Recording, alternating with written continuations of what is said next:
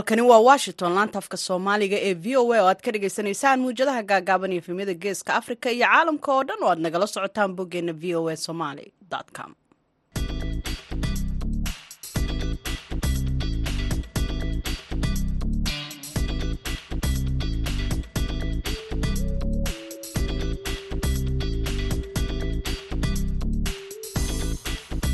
duhur wanaagsan dhegaystayaal waa maalin arbaco ah. Bisha februaarina waa sideed sanadka labada kun iyo saddex iyo labaatanka afrikada bari saacaddu waxay tilmaamaysaa kowdii iyo barkii duhurnimo. Idaacadda duhurnimo ee barnaamijka dhallinyarada maanta waxaa idinla socodsiinaya anigoo ah falastiin axmed iimaan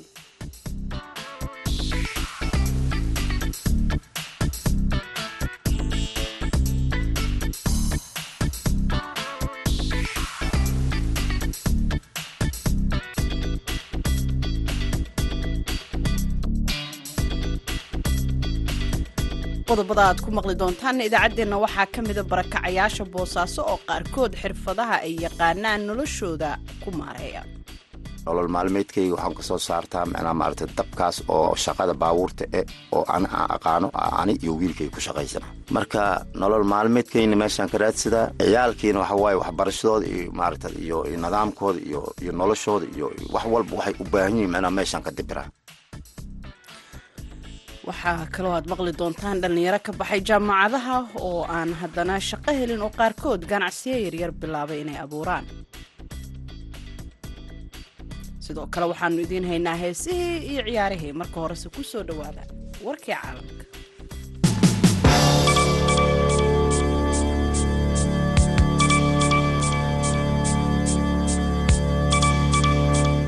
kooxaha samata bixinta ee turkiga iyo siiriya ayaa waqti uun yar haysta qabowga jira awgiis si ay u helaan dad ka badbaaday burburka dhismayaasha ay dumiyeen. Dhulgariiro xoogla oo ku dhuftay gobolka isniintii ayna ku dhinteen in ka badan oo qof. Dadaalka samata bixinta ee turkiga waxaa ka qayb qaatay kun oo shaqaale ah sida ay sheegtay hay'adda maareynta xaaladaha deg dega ee dalkaasi arbacada maanta ah. Goobaha la baarayo markaasi ay ka dhaceen dhulgariirada ayaa waxaa mararka qaar ka dhacaya dabaaldegyo marka qof nool la soo saara iyadoo dadka la arkaya iyagoo nool oo daryeel caafimaad loo qaadayo.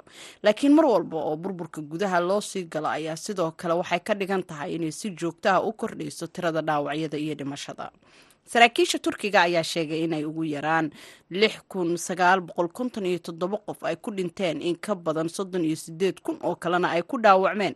Suuriya waxaa jira ugu yaraan laba kun afar boqol iyo toddobaatan dhimasho ah sida laga soo xigtay tirooyinka xukuumadda dimashik iyo kooxaha samata bixinta dhulgariirka hadda waa dhacdadii ugu dhimashada badnayd ee dhulgariirka tan iyo sannadkii labadii kun iyo kow iyo tobankii oo dhulgariir iyo sunaami iswataahi ay ku dhinteen ku dhowaad labaatan kun oo qof kaasoo ka dhacay dalka jabaan erdogan ayaa ku dhawaaqay toddoba maalmood oo baroordiiq qaran ah iyo saddex bilood oo xaalad deg deg ah toban gobol oo uu dhulgariirku sida tooska ah u saameeyey erdogan ayaa ku tilmaamay dhulgariirkani mid ka mid ah kuwa dunida ka dhacay waxa uuna qadar uga mahad celiyey in toban kun oo guri oo kunteenaro ah ay ugu deeqday dadka guri la'aantu ay ku dhacday ee dalka turkiga.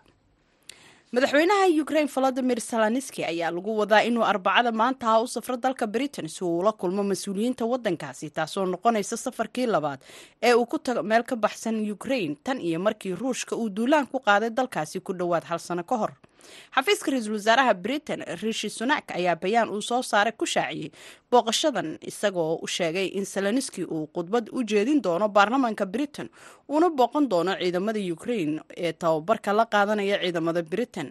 Sunak ayaa sidoo kale ku dhawaaqay in britain ay u tababari doonto duuliyayaal ukraine.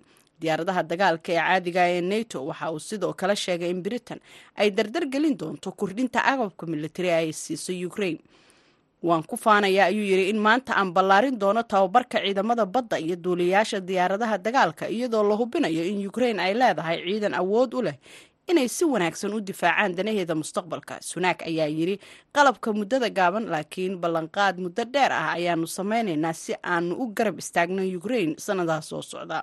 Britain ayaa horey ugu tababaraysa ciidamada ukraine adeegsiga taangiyada britishka ee loo yaqaano jallenger two ee britain ay soo saarto si ay uga jawaabto baaqyada ukraine ee ah qalab cusub in la siiyo si ay ugaga hortagto ciidamada ruushka. Jarmalka denmark iyo netherlandna waxay sheegeen talaadadii inay qorsheynayaan inay u diraan ugu yaraan boqol taangiyada loo yaqaano leobard one ee da-da weyn dalka ukraine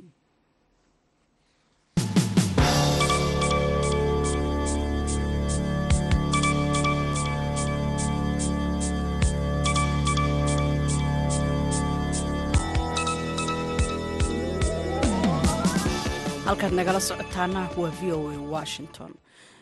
Soomaaliya dhallinyarada ka qalinjibisa jaamacadaha ayaanan helin badi shaqooyin. Qaar ayaa shaqo la'aan ahaada.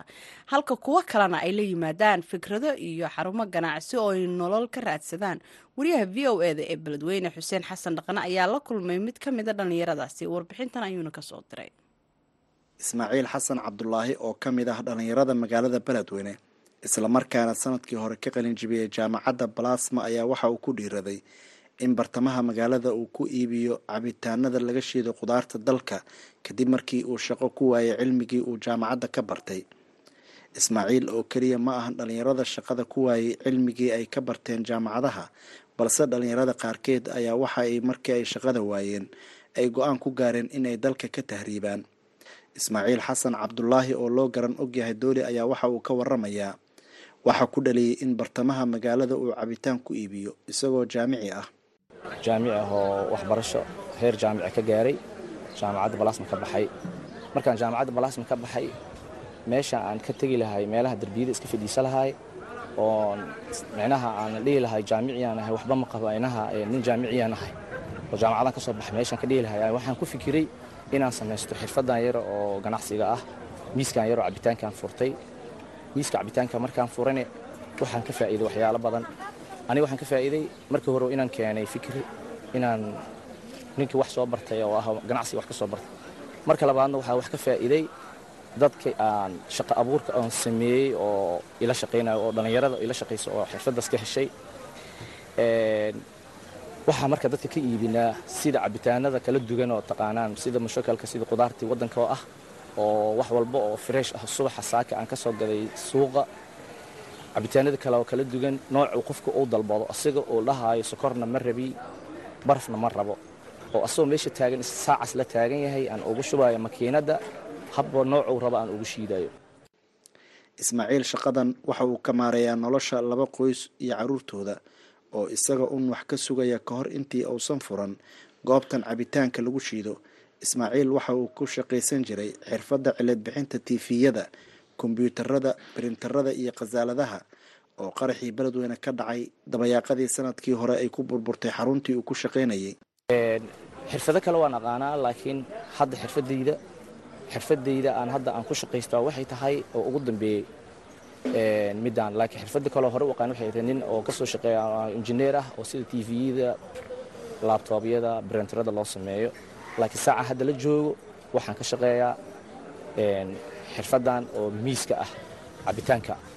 Qoyskayga waxaan uga maareeyaa maasha allah laba qoysaan ka maareeyaa. Waxaan uga maareeyaane tii hore waxaa iga dudumiyey oo farsamada ahayd waxaa iga dumiyey qaraxii magaalada ka dhacay. Laakiin hadda waxaan ka maareeyaa miiskan laba qoysaan ka maareeyaa oo aniga oo reyrahayga ah. Anigana waan ka maareeyaa dhallinyarada iila joogtana waa ka maareeyaa ismaaciil ugu dambeyn waxa uu ku booriyay dhallinyarada inay wakhtigooda ka faa'iidaystaan islamarkaana ay abuurtaan fursado shaqo. Intii ay sugi lahaayeen cid shaqo siisa.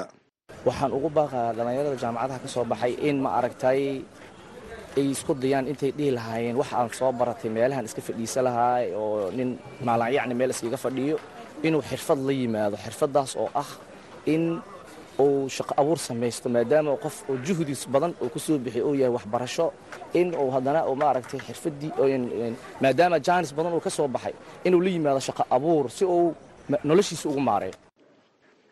Sanad kasta iskuullada iyo jaamacadaha ku yaalla dalka waxaa ka qalinjibiya kumanaan dhallinyaro ah kuwaas oo qaar ka mid ah aanan shaqo ku helin waxyaabihii ay barteen halka kuwo kale ay go'aansadaan inay shaqo abuurtaan. Xuseen xasan dhaqane v o a beledweyne markana dhegaystayaal dhinacii heesaha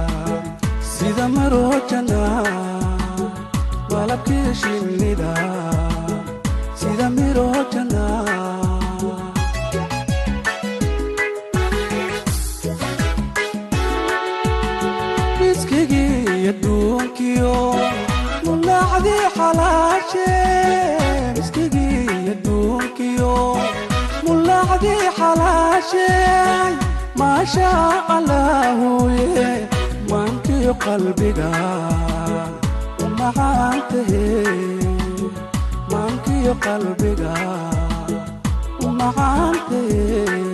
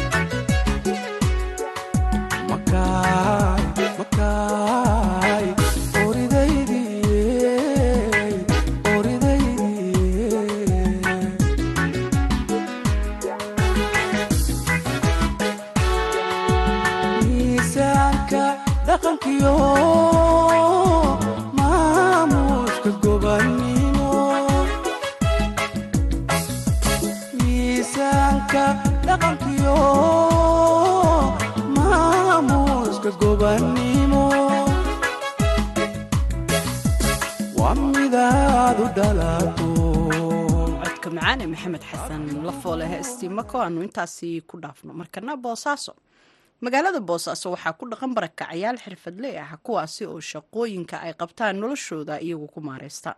Aweys sayid cali waa farsamo yaqaan ciladaha ka bixiya baabuurta waxa uuna maalintii helaa dalabaad kala duwan. Halkaasi oo noloshiisa uu ku maareeyo waxa uu boosaaso ugu waramay waryaheena yuusuf maxamuud. Yuusuf.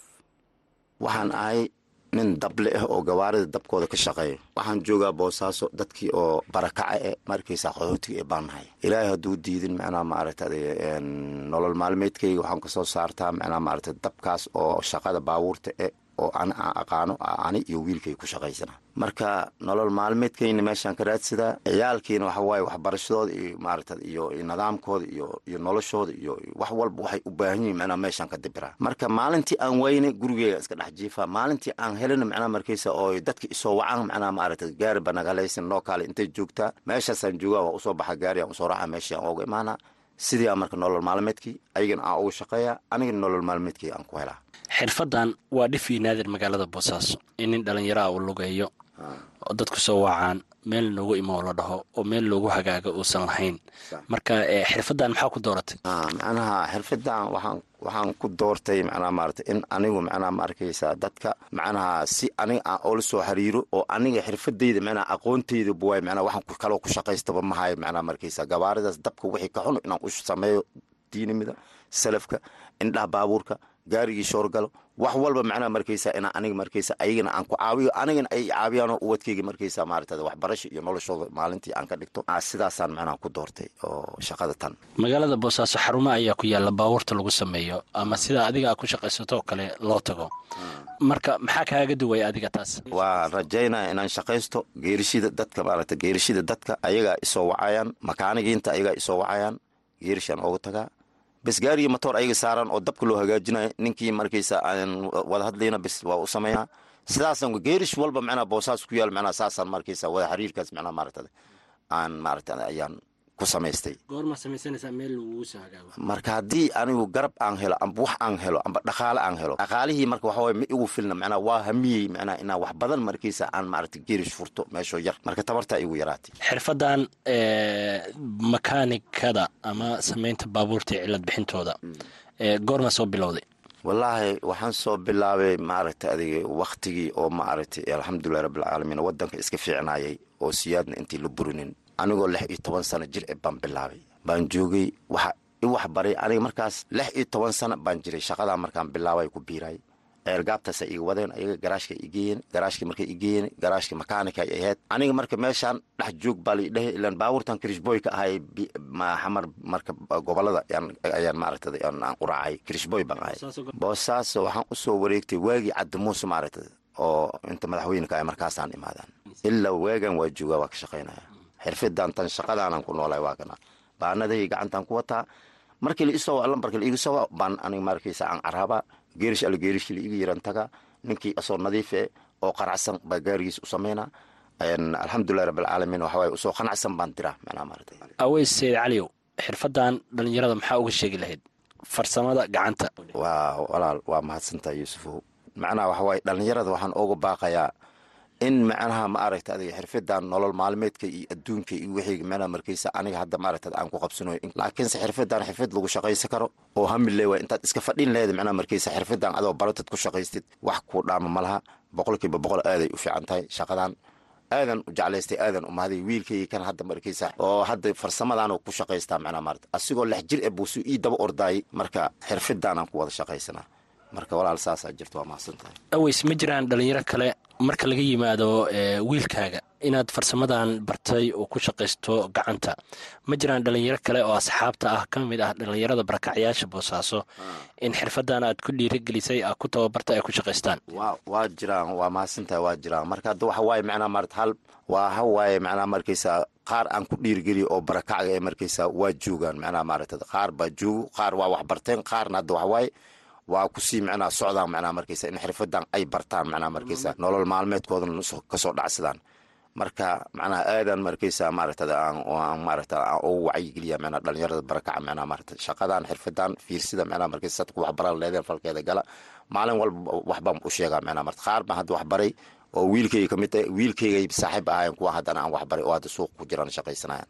Xirfadan marka xirfad fiican waaye marka dhalinyarada soomaaliyeed waxa waaye waxaan u sheegayaa in macnaha markaysa xirfada la barto oo ma nolol maalmeedka iyo mustaqbalkaaga dambe aan kaataa in ilaahay markaysa wax kugu saacido macnaha markaysa.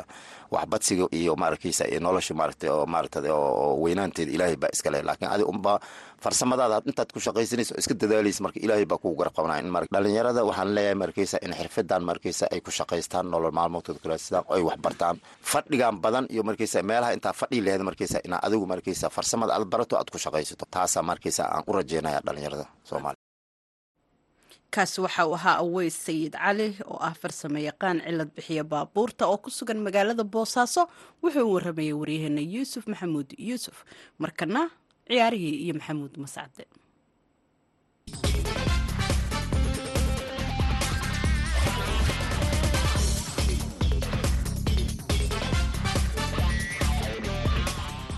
kuwan wanaagsan dhegaystayaal dhammaantiinba kuna soo dhowaada xubinta ciyaaraha aan ku bilaabay ciyaaraha n b a da ee wadanka maraykanka. Ciyaaryahan lebron james oo u ciyaara kooxda l a lakers ayaa jebiyey rikoorkii dhaliska ee ciyaaraha n b a da maraykanka. Lebron ayaa xalay ka sare maray ciyaaryahankii hore ciyaaraha kubadda koleg ee wadanka maraykanka kariim cabduljabaar oo laftiisu u ciyaari jiray kooxda l a lakers. Lebron james ayaa kooxda oklahoma city thunder waxa uu ka dhaliyey soddon iyo sideed dhibcood waxaana dhibcahaasi ay u suuro geliyeen inuu noqdo ciyaaryahankii ugu dhibcaha badnaa taariikhda ciyaaraha n b a da maraykanka. Rikoorka dhaliska n b a da waxaa muddo afartan sana ah haystay kariim cabduljabaar uu dhaliyey soddon iyo sideed kun saddex boqol sideetan iyo toddoba dhibcood isagoo kooxaha lakers iyo milwaki buckis u soo kala ciyaaray. Waxaana isugeyn kooxahaasi uu u saftay kun shan boqol iyo lixdan kulan. Halka ciyaaryahan lebron james uu dhaliyey soddon iyo sideed kun saddex boqol iyo sagaashan dhibcood waxa uuna ciyaaray kun afar boqol iyo toban kulan isagoo u soo kala ciyaaray kooxaha cleveland cavaleres iyo miami heat iyo weliba kooxda l a lakers uu haatan u safto. Ciyaaryahan lebron james ayaa markii uu dhaliyey dhibcaha uu ku jebiyey rikoorkii kariim cabduljabaar waxaa loo hakiyey ciyaarta uu maraysay qeybta saddexaad waxaana u istaagay dhammaanba taageerayaashii garoonka soo camiray oo u badnaa kuwa lakers iyo qaar ka tirsan ciyaartooydii hore ee kooxda l a lakers uu ku jiray kariim cabduljabaar laftiisu iyo madaxa xiriirka ciyaaraha kubadda koleyga n b a da maraykanka adam silver oo laftiisu garoonka ku sugnaa. Ciyaaryahan lebron james waxaa loogu hambaliyey guusha uu gaaray. Ciyaaryahan lebron oo hadal kooban jeediyey ayaa sheegay in aanu weligii ku riyoon inuu jebin doono rikoorka kariim cabduljabaar balse uu aada ugu faraxsan yahay guusha uu gaaray. Lebron ayaa guushiisa uga mahadnaqay qoyskiisa iyo taageerayaashiisa oo u xusay in la'aantood aanu heerkan gaareen. Dhinaca kale waxa uu ammaanay kariim cabduljabaar uu ku tilmaamay halyey weyn oo ciyaaraha n b a da ayna farxad weyn u tahay inuu soo garab joogsado. Kulankii xalay kooxda lebron james ele lakers waxaa looga badiyey boqol soddon iyo saddex dhibcood oo kooxda oklahoma city thunder ay ka dhalisay waxaana lebron james iyo kooxdiisu ay kansadeen boqol iyo soddon dhibcood oo keliya saddex dhibcood ayaa guusha lagaga qaatay laakiin guuldarada gaartay kooxda ele lakers cidinaha ma aanay xusuusan oo waxaa hareeyay guusha shaqsiga ee uu gaaray boqor lebron james oo lagu cimaamaday dhaliyihii ugu wanaagsanaa ee ciyaaraha n b a da maraykanka.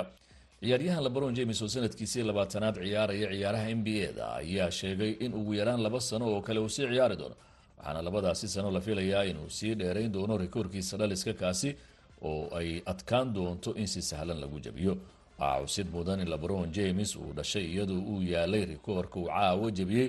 Haddaba waxaa dad badan isweydiinayaan ma sidiisa oo kale xidig aan weli dhalan ayaa afartan sano oo kale dabadeed ama ka badanba jebin doona rikoorkiisa uu caawa dhigay. Haatana haddii aan jaleeco dhinaca iyo horyaalka wadanka ingiriiska kooxaha kubadda cagta ee manchester united iyo leeds united ayaa caawa goor dambe kulan adag fooda isku dari doona. Kooxda kubadda cagta ee leeds united oo macalinkoodii shaqada ka erisay ayaa manchester qaabilaysa xili ay kooxdu magacaawday macalin kumeel gaara kooxda kubadda cagta ee manchester united oo ku ciyaaraysa gegideeda old trafford ayaa xidiga doorihii kulankan ka maqan yihiin. Haba ugu darnaado ciyaaryahan kashamiro oo kulankii kan ka horreeyay calaamada guduudan loo taagay islamarkaasina kulankan iyo laba kulan oo kale ka maqnaan doona kooxda kubadda cagta ee manchester united. Waa hagaag dhegeystayaal guud ahaan barnaamijkeena ciyaaraynta ayaan ku soo gabagabeynaya tan iyo kulan dambe. Waa mascad dawida ku dhaafaya sida ay nabadgelyo